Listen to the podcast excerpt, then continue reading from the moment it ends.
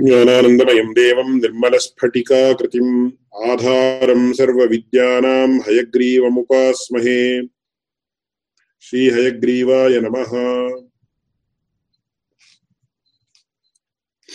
अत्र अवयवविचारः सम्पन्नः। प्रतिज्ञाहेतु उदाहरणोपनयनिगमनानि पञ्चावयवाः। इति पर्वतो वह्निमान् इति प्रतिज्ञा धूमवत्वादिति हेतुः यो स वह्निमान् यथा महानस इत्युदाहरणम् तथा चायम् इत्युपनयः, तस्मात् कथेति निगमनम्। अवयवानां स्वरूपं निरूपितम्, अवयवानां लक्षणानि तु अत्र न उक्तानि, कुतः तत्र? तेषां किञ्चिदिव क्लिष्टत्वात् इति अस्माभिः भावनीयम्। कुतः इत्येतत् तत्र सर्वेषामपि वस्तूनां लक्षणानि अथवा सर्वेषामपि पदार्थानां लक्षणानि अत्र न अभिहितानि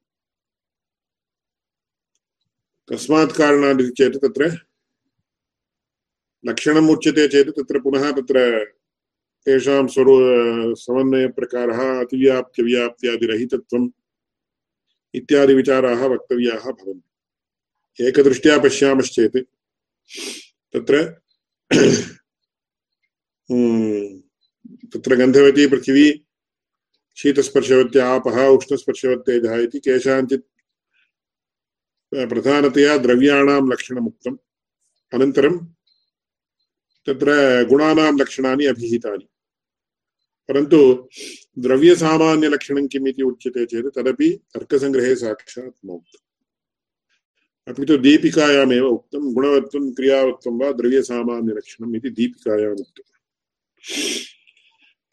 एवमेव गुणसामान्यलक्षणं, किं कर्मसामान्यलक्षणं किम् इत्यादिकम् अत्र तर्कसङ्ग्रहे नाभिहितम् किमर्थमिदं सर्वमुच्यते इति चेत्, अस्माकं शास्त्रीयपरम्परा एवं ग्रन्थपरा एवं वर्तते यत् एकमेव ग्रन्थमादाय अथवा एकस्मिन्नेव ग्रन्थे बहुधा विचारस्य अवकाशः वर्तते। एवं तत्र पूर्वतनकाले यदा वाक्परीक्षादिकं प्रचलेत् तदानीन्तनकाले गुरवः शिष्यान् परीक्ष परीक्षयेयुः तत्र एकक्षणं स्थीयताम् ಹಲೋ ಹಾಂ ಹೇಳಿ ಸರ್ ಹೇಳಿ ಸರ್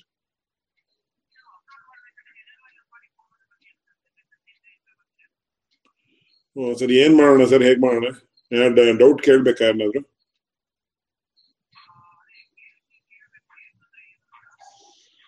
ಸರಿ ನಾನು ಅಲ್ಲಿ ಯೂನಿವರ್ಸಿಟಿನಲ್ಲೇ ಕೇಳ್ಬಿಟ್ಟು ಹೇಳಲ ಆಗಿದ್ರೆ ಕೇಳ್ಬಿಟ್ಟು ಹೇಳ್ತೀವಿ ಕೇಳ್ಬಿಟ್ಟು ಹೇಳ್ತೀವಿ ಥ್ಯಾಂಕ್ ಯು ಥ್ಯಾಂಕ್ ಯು जनः परीक्षां कुर्युः तदानीं कृते पाठे एव परीक्षां कुर्युः यद्यपि परन्तु तत्रापि तादृशप्रश्नान् पृच्छेयुः। यत् यस्य प्रश्नस्य अथवा येषां प्रश्नानाम् उत्तरं सम्यक् विद्यार्थी भावयेत्, तथा प्रश्नान् पृच्छेयुः। पृष्ट्वा, ओहो, मया किमपि न ज्ञातम् इति विद्यार्थिनः मनसि यथा भायात्, तथा कुर्युः। किमर्थं वदामि इति ह्यः मया गृहे अस्य उदाहरणं दीयमानमासीत्। एवम् अस्माकं पितृचरणैः असकृदुच्यते तेषाम् एके आचार्याः आसन् शेषाद्रि अयङ्गार्यः इति। विद्यार्थी यदा आगत्य वदेत्, मया केवलं मङ्गलश्लोकमात्रं पठितं तावन्मात्रम् अस्मिन् ग्रन्थे पठितम् इति वदे, वदेत्। अस्तु तर्हि तत् समीचीनतया पठितं चेत् तत्रैव प्रश्नं पृच्छामि इति ते वदेयुः तत्रैव प्रश्नं पृष्ट्वा पृष्ट्वा भवद्भिः तत्र वास्तवतया विषयो न ज्ञातः इति प्रदर्शयेत्। चेत् तत्र विद्यार्थिनः उत्साहभङ्गः कर्तव्यः इति न अभिप्रायः। किन्तु तत्र एकस्य विषयस्य कियत् गहनता अस्ति यथा इदानीं अस्य उदाहरणं मया ह्यः गृहे दीयमानमासीत्। विधाय हृदि विश्वेशम् इति वर्तते। अस्य विस्तृतार्थः शाब्दबोधो वा मया न एतावत्पर्यन्तम् उक्तः अग्रिम समये तद् वक्तव्यं भविष्यति अथवा वदामि तद्विषये। निधाय हृदि विश्वेशं विश्वेशं हृदि निधाय इति विश्वेशं विश्वेशं नाम विश्वेशं जगन्नियन्तारम् अथवा काशीक्षेत्राधिनाथं विश्वनाथम् इति तत्र, तत्रापि बहुविधविषयस्य विचारस्य अवकाशः वर्तते। विश्वेशं हृदि निधाय इति तत्र वर्तते। एवं हृदि निधाय चेत् तत्र कथं हृदि निधानम् इति चेत् तत्र प्राचीनकाले किं वदे कुर्युः इत्येत् निधानं नाम निपूर्वक धाङ् धातुः इति। नि उपसर्गपूर्वक धाङ् धातुः इति उच्यते चेत् डुधाङ् धारणपोषणयोः इति धातुः। तादृशधातुना समुत्पन्नः अयं शब्दः। इति दुड निपूर्वकथाङ् धातोः वृत्तित्वप्रकारक आहार्यज्ञानमर्थः इति वदेयुः। प्राचीनकाले तथा शाब्दबोधविवरणं कुर्युः। आहार्यज्ञानम् इति अग्रे आगच्छति आहार्यज्ञानम् इति चेत् आरोपात्मकम् यथा इदानीम् अत्र मत्पुरतः गजो नास्ति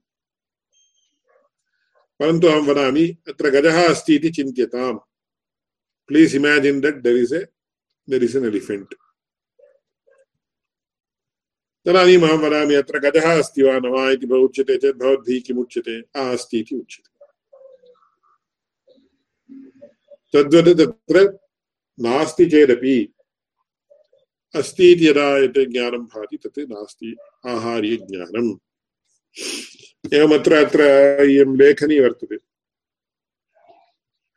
इयं लेखनी मम हस्ते नास्ति इति चिन्त्यतां please imagine that this pen is not available not there in my hand लेखनी नास्ति खलु? इति अहं पृच्छामि चेत् भवद्भिः किम् उच्यते? लेखनी नास्ति इति उच्यते। अतः तत्र तस्य किं नाम? बाधकालीन इच्छाजन्यं ज्ञानम् आहार्यम् इति उच्यते। किमर्थमुच्यते चेत् तत्र ईश्वरः विभुः। विभुः नाम कः? सः सर्व सर्वमूर्तिद्रव्यसंयोगित्वं, विभुत्वं परममहत्परिमाणवत्वं विभुत्वम् इत्यादि शब्दाः तत्र विभुत्व विवरणात्मकाः सन्ति। विभोः पदार्थस्य हृदये निक्षेपः कथम्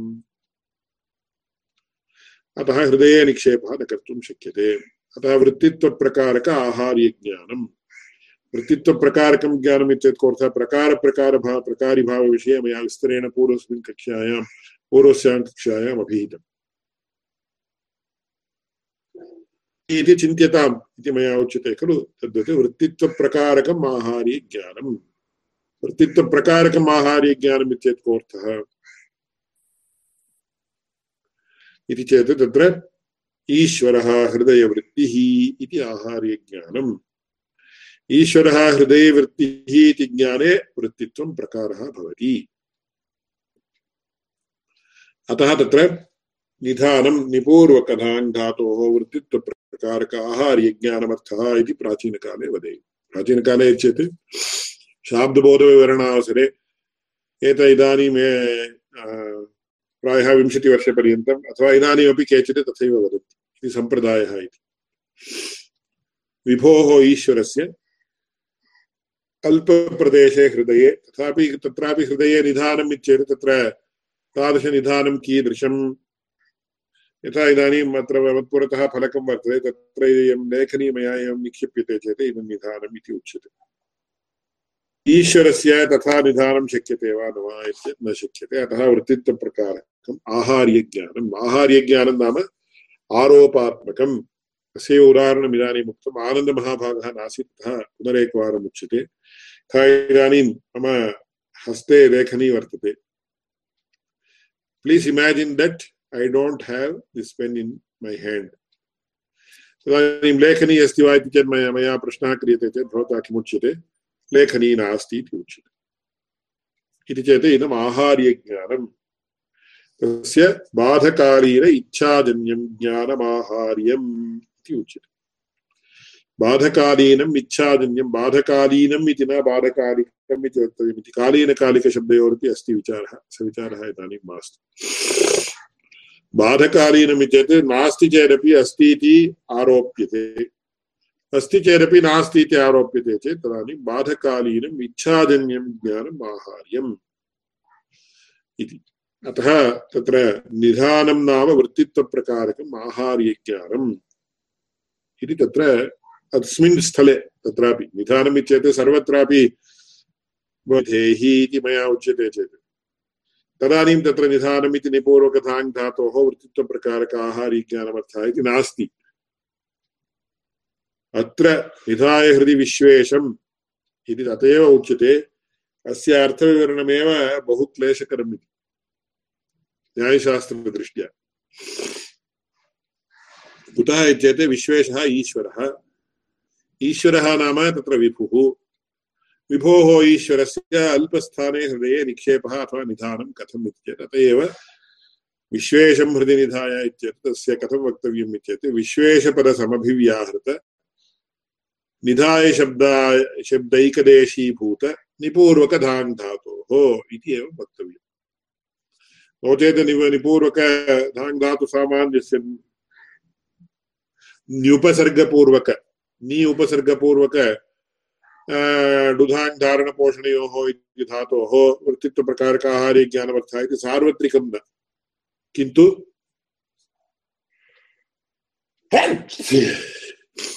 एतत् स्थलमात्र, स्थलमात्रे क्रियमाणः अर्थः। कथम् एवं रीत्या एकस्मिन् स्थले एकस्य धातोः एकम् एकरीत्या अर्थः?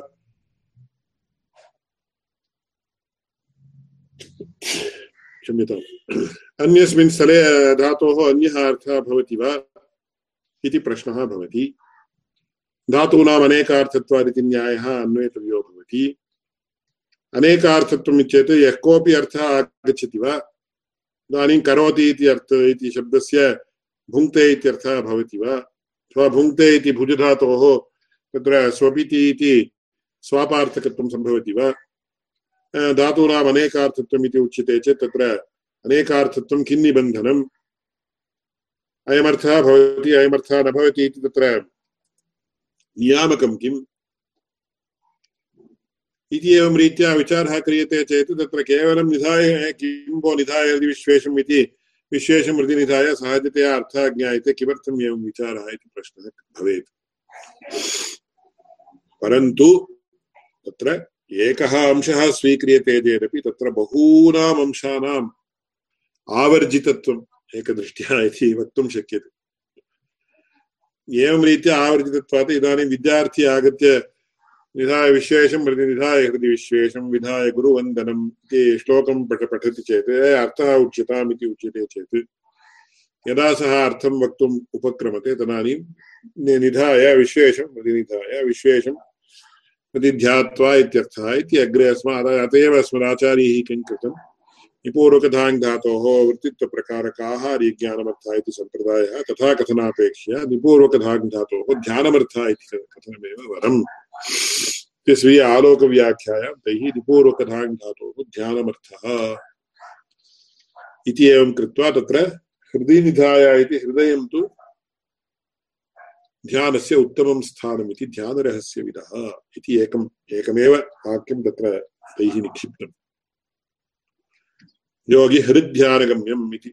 तत्र हृदि ह्येष आत्मा इत्येवं रीत्या हृत्स्थतया तत्र ध्यानं कर्तव्यम् इति उच्यते। अत एव हृदि निधाय इति अन्नम्भट्टैः उक्तम् परन्तु हृदि निधाय इति यदुक्तं तत् एतादृशवाक्यार्थविषय, तस्य युक्तं वा न वा इति चर्चा तु अन्या।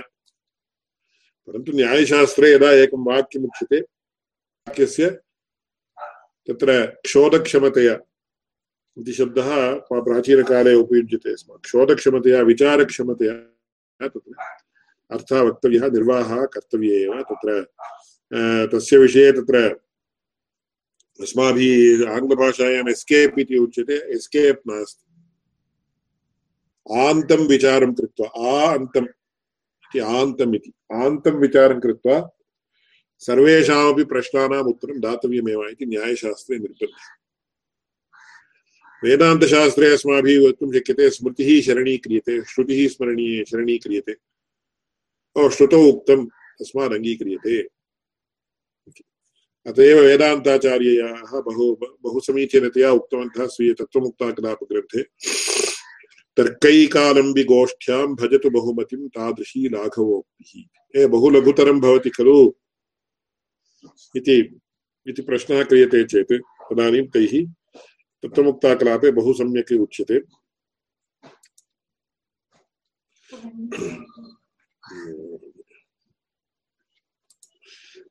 बहु सम्यक् उच्यते। तर्कैकालम्बिगोष्ठ्यां भजतु बहुमतिं तादृशी लाघवोक्तिः इति तर्कैकालम्बिगोष्ठी काचित् वर्तते तार्किकाणां। तत्र भवतां वचसः तत्र बहु बहुमानदं भवति। अत्र तु तथा न भवति, अत्र अस्माभिः श्रुतिः एव शरणीकर्तव्या। श्रुत्युक्तम् अङ्गीक्रियते गुरुतरं वा भवतु, लघुतरं वा भवतु, तत्र अस्माकं चर्चा नास्ति।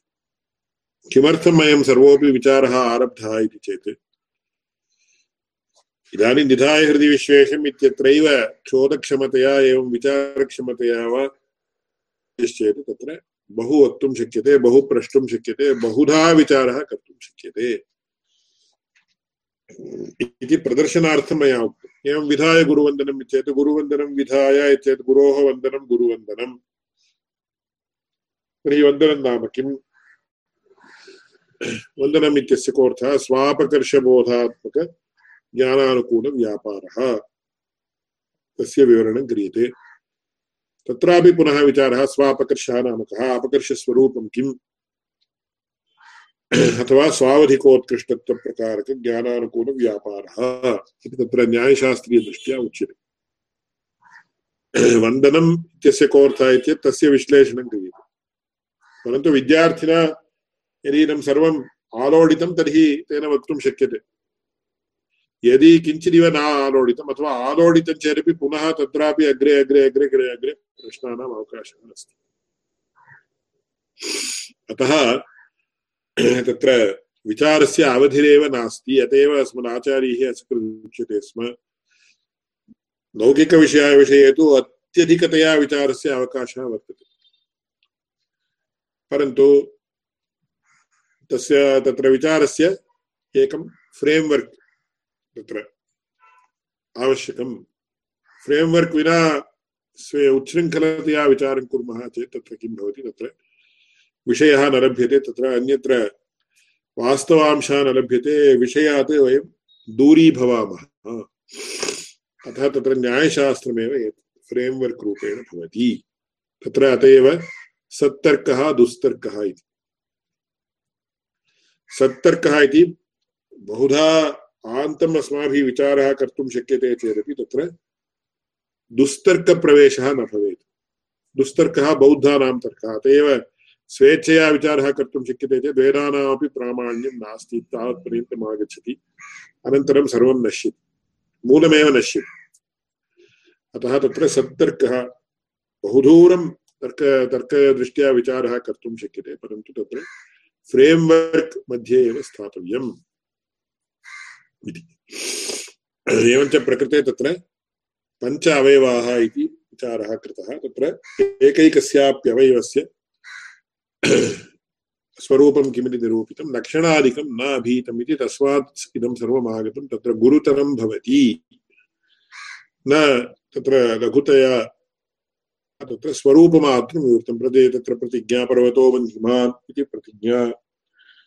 पर्वतो इति तत्र उच्यते चेत् अस्माभिः तत्र साधारणशब्दानां योजनं कर्तव्यं, पक्षः साध्यवान्। कुतः हेतोः तत्र हेतुः तत्र तत्र साध्यं।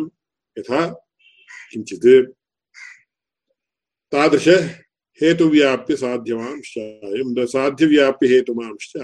इति उपनयः। अनन्तरं तस्मात् पक्षः साध्यवान् इत्येवं रीत्या अस्माभिः साधारणशब्दाः योजनीयाः।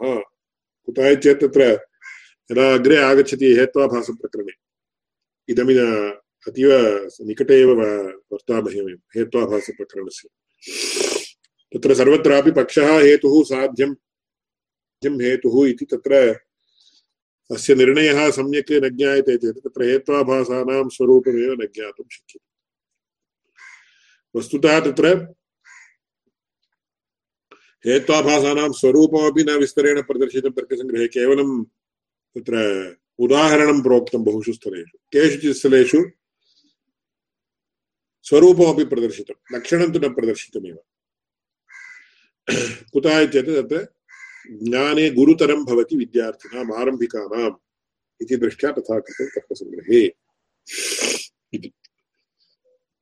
एवञ्च प्रकृते तत्र एतेषाम् अवयव अवयवानां स्वरूपम् एवं ज्ञातव्यं पक्षसाध्यवान् इति प्रतिज्ञा हेतुः यत्र यत्र हेतुः तत्र तत्र साध्यं यथा किञ्चित् दृष्टांत कोऽपि दृष्टान्तः इति उदाहरणं। तथा चायं तथा चायं नाम साध्यव्याप्यहेतुमांश्चायम् इति उपनयः। तस्मात् पक्षसाध्यवान् इति निगमनम् इति साधारणशब्दाः योजनीयाः तदानीं तत्तदवयवानां स्वरूपम् अस्माभिः ज्ञायते। लक्षणं तु अन्यादृशं तत् इदानीं न विव्रियते। इति अनेन वाक्येन प्रतिपादितात् लिङ्गात् परोप्यग्निं प्रतिपद्यते। हेतूपदाहरणोपनयनिगमनानि पञ्चावयवाः। पर्वतोबन्धिमान् इति प्रतिज्ञा धूमवत्वात् हेतुः। यो यो धूमवान् स बन्धिमान् यथा तथा चायमित्युपनयः तस्मात् तथेति निगमनम्। इति उक्त्वा ततः स्वार्थानुमिति परार्थानुमित्योः लिङ्गपरामर्श एव करणम्। तस्माल्लिङ्गपरामर्शोऽनुमानम् इति तत्र निगमनं कृतम् स्वार्थानुमितिर्वा भवतु परार्थानुमितिर्वा भवतु उभयोरपि कारणं किमित्यत् लिङ्गपरामर्शः। लिङ्गपरामर्शः चेत् मानयं पर्वतः, अतः अथवा साध्यव्याप्यहेतुमानयम् अक्षः अत एव मया अनुमानप्रकरणपाठे तत्र स्वार्थ अनुमाननिरूपणावसरे प्रथमम् अनुमितिप्रक्रिया इति पञ्चदशवारं पुनः पुनः उक्त्वा प्रदर्शितं। भवद्भिरपि तत् ज्ञेयं नो चेत् कन्फ्यूषन् अथवा साङ्कर्यं भवति। प्रथमं तत्र पक्षधर्मताज्ञानम्। यथा पक्षस् पर्वते धूमः अस्ति अथवा धूमवान् पर्वतः इति। पक्षधर्मताज्ञानानन्तरं व्याप्तिज्ञानं व्याप्तिज्ञानं नाम यत्र यत्र धूमः, तत्र यत्र वह्निः यथा महानसः इति। ततः परं परामर्शः। व्याप्ति पक्षधर्मता उभ, उभयात्मकः। इति चेत् तत्र वह्निव्याप्य धूमवांश्च, वह्निव्याप्यो धूमः इति व्याप्तिज्ञानं धूमवान् पर्वतः इति पक्षधर्मताज्ञानम् एतदुभयात्मकं वह्निव्याप्य धूमवानयं पर्वतः इति ज्ञानं, परामर्शः इति आरम्भे आगच्छति। तदनन्तरम् अनुमितिः। इत्येवं रीत्या स्वार्थानुमाने पक्षधर्मताज्ञानं व्याप्तिज्ञानं, परामर्शः अनुमितिः। इति स्वार्थानुमान स्वार्थानुमिति प्रक्रिया। परार्थानुमिति प्रक्रिया कीदृशी? चेत् तत्र अवयवप्रकरणे एव विधीयते। इदानीं संक्षेपेण उच्यते। तत्र पञ्चावयव पञ्चावयवानामपि श्रवणात्। शाब्दपरामर्शः जायते। शाब्दपरामर्शात् मानसपरामर्शः जायते। मानसपरामर्शात् अनुमितिः इति अत्र विस्तारः न क्रियते। अतः तत्र अत्रापि स्वार्थानुमितोऽपि अनुमित्यव्यवहितपूर्वक्षणे किं वर्तते इति चेत् तत्र लिङ्गपरामर्शः। इति चेत् वह्निव्याप्य धूमवानयं पर्वतः इत्येतादृशलिङ्गपरामर्शज्ञानं वर्तते। अतः परामर्शजन्यं ज्ञानमनुमितिः। इति तत्र अनुमितेः लक्षणं किं? परामर्शजन्यत्वे सति ज्ञानत्वम्। इति अनुमितेः लक्षणम्। परामर्शजन्यत्वे अस्ति ज्ञानत्वं। स्वार्थानुमितोऽपि वर्तते, परार्थानुमितोऽपि वर्तते इति कृत्वा लक्षणसमन्वयः। अत्रापि बहुविचारस्य अवकाशः वर्तते। परामर्शजन्यत्वे अस्ति ज्ञानत्वमिति किमर्थं द्वयम् इति। ज्ञानत्वमात्रोक्तौ प्रत्यक्षादिज्ञानेषु अतिव्याप्तिः। परामर्शजन्यत्वम्? परामर्शजन्यत्वमात्रोक्तौ को दोषः? चेत् परामर्शध्वंसे अतिव्याप्तिः। कुतः न्यायशास्त्रे किमङ्गीक्रियते? ज्ञानानां द्विक्षणावस्थायित्वम् विशिष्टाद्वैतसिद्धान्ते तावत् ज्ञान ज्ञानम् इति नित्यधर्मः, धर्मभूतज्ञानं नित्यम् इति धर्मीभूतज्ञानमपि नित्यम् इति नैयायिकानां मते तावत् ज्ञानं केवलं द्विक्षणावस्थायी। एकक्षणे उत्पद्यते, तदनन्तरं द्वितीयक्षणे तिष्ठति, तृतीयक्षणे नश्यति। अपेक्षा बुद्धिः इति किंचन ज्ञानं वर्तते, तन्मात्रं त्रिक्षणावस्थायी इति उच्यते।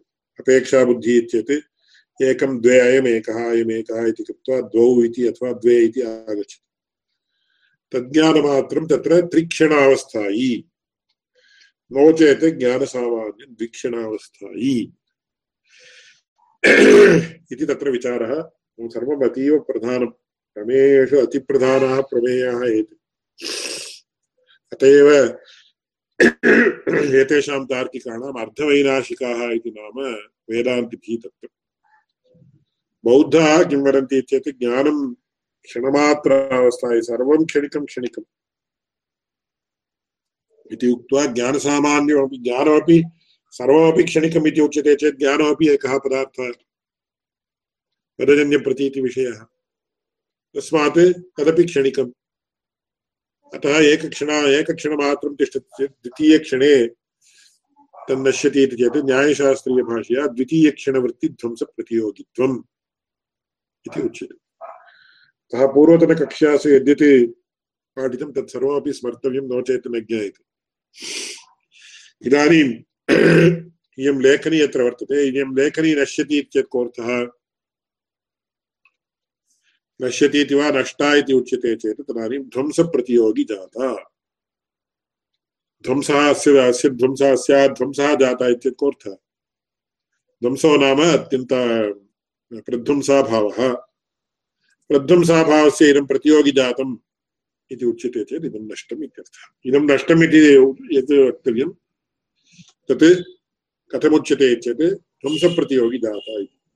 प्राचीनकाले यदा विद्यार्थिनः भवेयुः नैयायिकविद्यार्थिनः परस्परं चिन्तनं कुर्युः पाठानन्तरं परस्परं चिन्तनं कर्तव्यं प्रधानतया इत्यतः अस्याः पङ्क्तेः अर्थः एवम् अस्ति इति आचार्यैः यथा उक्तं तथा तस्य विवरणम् एकेन विद्यार्थिना कर्तव्यम् अपरेण विद्यार्थिना प्रश्नः कर्तव्यः अथवा अन्येन उच्यते चेत् अनेन प्रश्नः कर्तुं शक्यते एवं रीत्या बहुधा विचारस्य अवसरः भवति स्म येन तत्र विद्यार्थिनां ज्ञानस्य अभिवृद्धिः भवेत् अत एव संस्कृतभाषायाम् उच्यते तत्र आचार्यात् पादमादत्ते पादं शिष्यस्वमेधया पादं सब्रह्मचारिभ्यः इति परस्परं तत्र समानमनस्कैः विद्यार्थिभिः सतीर्थ्यैः सह विचारः कर्तव्यः तदानीमेव ज्ञानम् अनं सब्रह्मचारिभ्यः इति। चिन्तनं जातं वा इति पूर्वम् आचार्याः पूर्वतनकालेषु पृच्छेयुः इति। अतः सब्रह्मचारिभ्यः ज्ञानं तत्पादं यदि तत्र एकः उपविश्य अध्ययनं करोति, सः एकपादः तत्र तस्य नश्यति, तस्य ज्ञानम् अपूर्णं भवति इत्यस्मिन् अर्थे स्वीकर्तव्यम्। स्वमेधया यत् प्राप्यते तत् प्राप्यते। परन्तु पादं शिष्य, पादं सब्रह्मचारिभ्यः इति ततः परस्परं सतीर्थ्यैः सह उपविश्य विचारः अवश्यं कर्तव्यः। अस्माकम् इदानीम् अस्मिन् ग्रूप् अस्मिन् किं ग्रूप् इत्यस्य किं वक्तव्यम् गणः गणः इत्येव उच्यते। अस्मिन् गणे इदानीं वयं चत्वारः भवामः अथवा त्रयः वा न्यूनातिन्यूनं द्वौ। तत्र परस्परं भवतोर्मध्ये, भव भवत्सु मध्ये एव तत्र एवं विचारः अग्रे कर्तव्यः। नो चेत् तत्र विषयस्य, चिन्तनस्य अवकाशः न वर्धते। अतः तत् अवश्यम् अनुष्ठेयम् इति अवसरे अस्मिन् ज्ञापयामि। एवञ्च प्रकृते तत्र परा, अनुमानात् अव्यवहितपूर्वक्षणे किं वर्तते चेत् परामर्शः वर्तते। स्वार्थानुमानस्थलेपि वर्तते परार्थानुमानस्थलेपि वर्तते। अतः स्वार्थानुमिति परार्थानुमित्योः लिङ्गपरामर्श एव करणम् स्वार्थानुमानस्थले प्रक्रिया का प्रथमं व्याप्ति पक्षधर्मता ज्ञानं ततः परं व्याप्तिज्ञानं, ततः परं परामर्शः, ततः परम् अनुमितिः। परार्थानुमानप्रक्रियायां तत्र पञ्चावयववाक्यश्रवणं पञ्चावयववाक्यश्रवणानन्तरं तत्र शाब्दबोधप्रक्रिया अपि सर्वं सर्वमपि सर्वत्र आगच्छति, तदेव अत एव मया असकृदुच्यते न्यायशास्त्रे। शाब्दबोधः इदानीम् अस्माभिः शाब्दबोधप्रक्रिया कीदृशी इति अग्रे सविचारः ज्ञातव्यः। परन्तु अत्रैव स विचारः आगच्छति। प्रथमं पञ्चवाक्यानामपि श्रवणानन्तरं श्रोतुः मनसि किं भवति? खण्डवाक्यार्थबोधः भवति। ततः परं पञ्चभिरपि मिलितैर्वाक्यैः, एकवाक्यतापन्नैः एकवाक्यता नाम सम्भूयैकार्थप्रतिपादकत्वम्। एकवाक्यतामापन्नैः, पञ्चभिरपि वाक्यैः शाब्दपरामर्शः जायते। शाब्दपरामर्शः कीदृशः? वह्निव्याप्यधूमवानयं पर्वतः। शाब्दपरामर्शात् मानसपरामर्शः इत्येतत् तस्य अर्थः मनसि ज्ञायते। मनसि ज्ञायते चेत् पुनः तत्रापि चर्चायाः अवकाशः आत्मनि भवति इति वक्तव्यं। परन्तु तादृश तावत्पर्यन्तम् इदानीं गमनं मास्तु। मनसि ज्ञायते, मम मनसि वर्तते इति उच्यते खलु साधारणतया। तथा इति स्वीक्रियते अत एव अत्रापि मानसपरामर्शः इति उच्यते। शाब्दपरामर्शस्य is the entire sum of the five sentences is reduced to Shabda Paramarsha or results in Shabda Paramarsha. तादृश शाब्द परामर्शात् मानस परामर्श मानस परामर्शात् अनुमितिः अतः स्वार्थानुमिति पदार्थानुमित्योः लिंग परामर्श एव करणम् तस्मात् लिंग परामर्शोनुमानम् अनुमानं नाम अनुमितिकरणम् इति आरम्भे उक्तम् तन्न विस्मर्तव्यम् अनुमानं नाम अनुमितिकरणम्। अनुमितिकरणम् इत्येतत् पुनः तत्रापि करणशब्दस्य नवीनन्यायानुगुणतया, प्राचीनन्यायानुगुणतया च अस्ति भेदः। व्यापारवरसाधारणकारणं करणम् इति तत्र पूर्वम् उक्तम् तत्रापि कियन्तः अनुपपत्तयः अथवा कियन्तः विचारार्हाः विषयाः वर्तन्ते इति अस्माभिः आलोडनीयम् आलोचनीयम् आलोडनीयम् इति व्यापारवरसाधारणकारणं करणम् इति प्राचीनपक्षः। कार्य अव्यवहितप्राक्षणवृत्ति यत् कारणं, तत् करणम् इति नवीनानाम् आशयः। इति करणशब्दस्य व्युत्पादने एव भेदः वर्तते। अतः तत्र एतादृशविषये कथं कर्तव्यम् इत्येतत् तत्र। इदानीं नवीनन्यायप्रक्रियानुगुणतया उक्तम् इति इदानीं स्वीकर्तव्यम्। स्वार्थानुमिति परार्थानुमित्योर्लिङ्गपरामर्श एव करणम्। अनुमितिः इति कार्यमिति स्वीक्रियते चेत् तत्पूर्व तत् अव्यवहितपूर्वक्षणे वर्तमानं कारणं किं परामर्शः। तस्मात् परामर्श एव करणम् इति अत्र उपसंहृतम्। स्वार्थानुमिति परार्थानुमित्योर्लिङ्गपरामर्श एव करणम्। तस्माल्लिङ्गपरामर्शोऽनुमानम् तस्मात् अनुमानं नाम किम्? अनुमानं नाम अनुमितिकरणम्। अनुमितिकरणं किं लिङ्गपरामर्शः। लिङ्गपरामर्शः नाम हेतुपरामर्शः। हे परामर्शः इत्युच्यते चेदेव तत्र प्रकरणे सर्वत्रापि। तत्र लोके साधारणतया यत् परामर्शः इति उच्यते, अस्य परामर्शः कृतो वा भवद्भिः। मया एक लेखन एकं लेखनं लिखितं तस्य परामर्शः कृतो वा इत्येतत् तत्र विशिष्य सम्यक् तस्य तत्र विस्तरेण अथवा गाढतया तस्य अवलोडनं कृतं वा इत्यस्मिन् अर्थे परामर्शः कृतो वा इति उच्यते न्यायशास्त्रे तावत् परामर्शः इति टेक्निकल् टर्म् परामर्शः इत्यस्य लिङ्गपरामर्शः इत्येव नाम परन्तु तर्कसङ्ग्रहकारैः कन्फ्यूषन् साङ्कर्यादिकं मास्तु इति दृष्ट्या लिङ्गपरामर्शः इत्येव शब्दः लिङ्गशब्द अनुपादानेपि तत्र अग्रे यद्विषयक सामान्यनिरुक्तिः हेत्वाभास सामान्यनिरुक्तिः इति महाप्रकरणं वर्तते। हेत्वाभासानां लक्षणनिरूपणात्मकम्। तत्र यद्विषयकत्वेन लिङ्गज्ञानस्य अनुमितिविरोधित्वं तत्त्वं हेत्वाभासत्वम् इति रक्षणम् उच्यते तत्र तदानीं तत्र प्रश्नः क्रियते, यद्विषयकत्वेन लिङ्गज्ञानस्य इति लिङ्गपदम् अनावश्यकम् इति चर्चा क्रियते।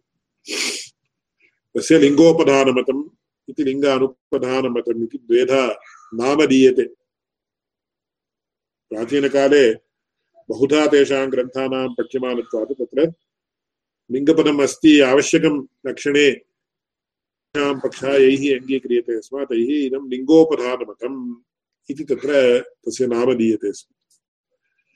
तत्र इदानीन्तनकाले विशिष्य येषां वीरशैव जनानां परिचयः वर्तते, ते तत्र लिङ्गधारणं कुर्वन्त्यत्र तेषाम् उरसि।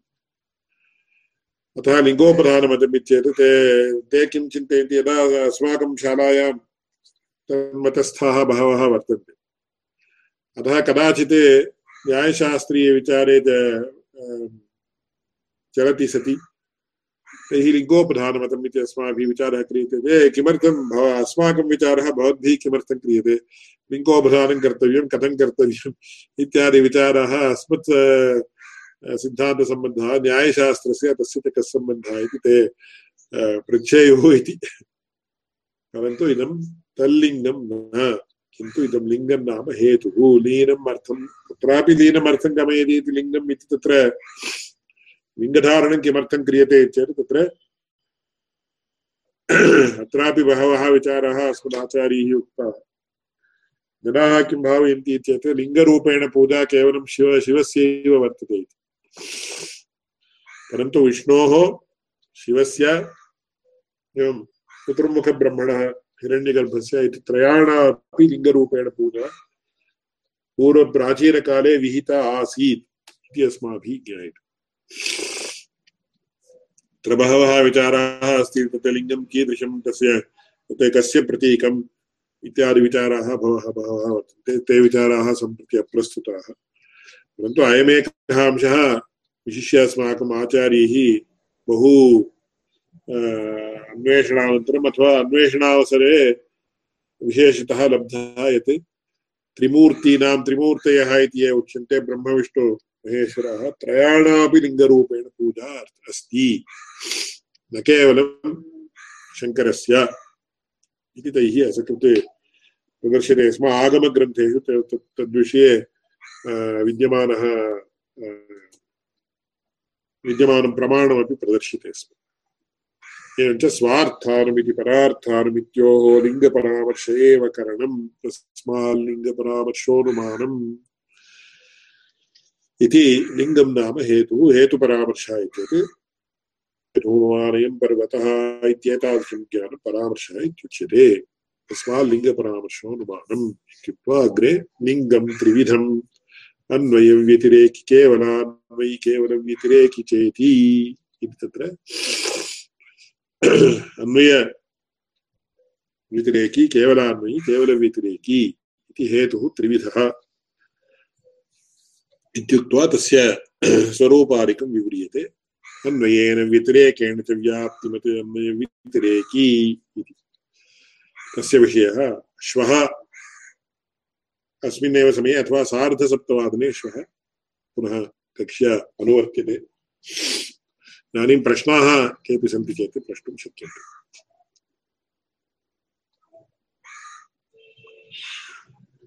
आनन्दमहाभाग कोऽपि प्रश्नः अस्ति वा? अधुना नास्ति। तर्हि मङ्गलश्लोकसमाप्ति कथनपूर्वकं समापयामि। एतदनन्तरं अस्य रेकार्डिङ्ग् स्थगितं भवतु। अनन्तरम् आनन्दमहाभागेन साकं निमेषद्वयपर्यन्तं वार्तालापं कर्तुम् इच्छामि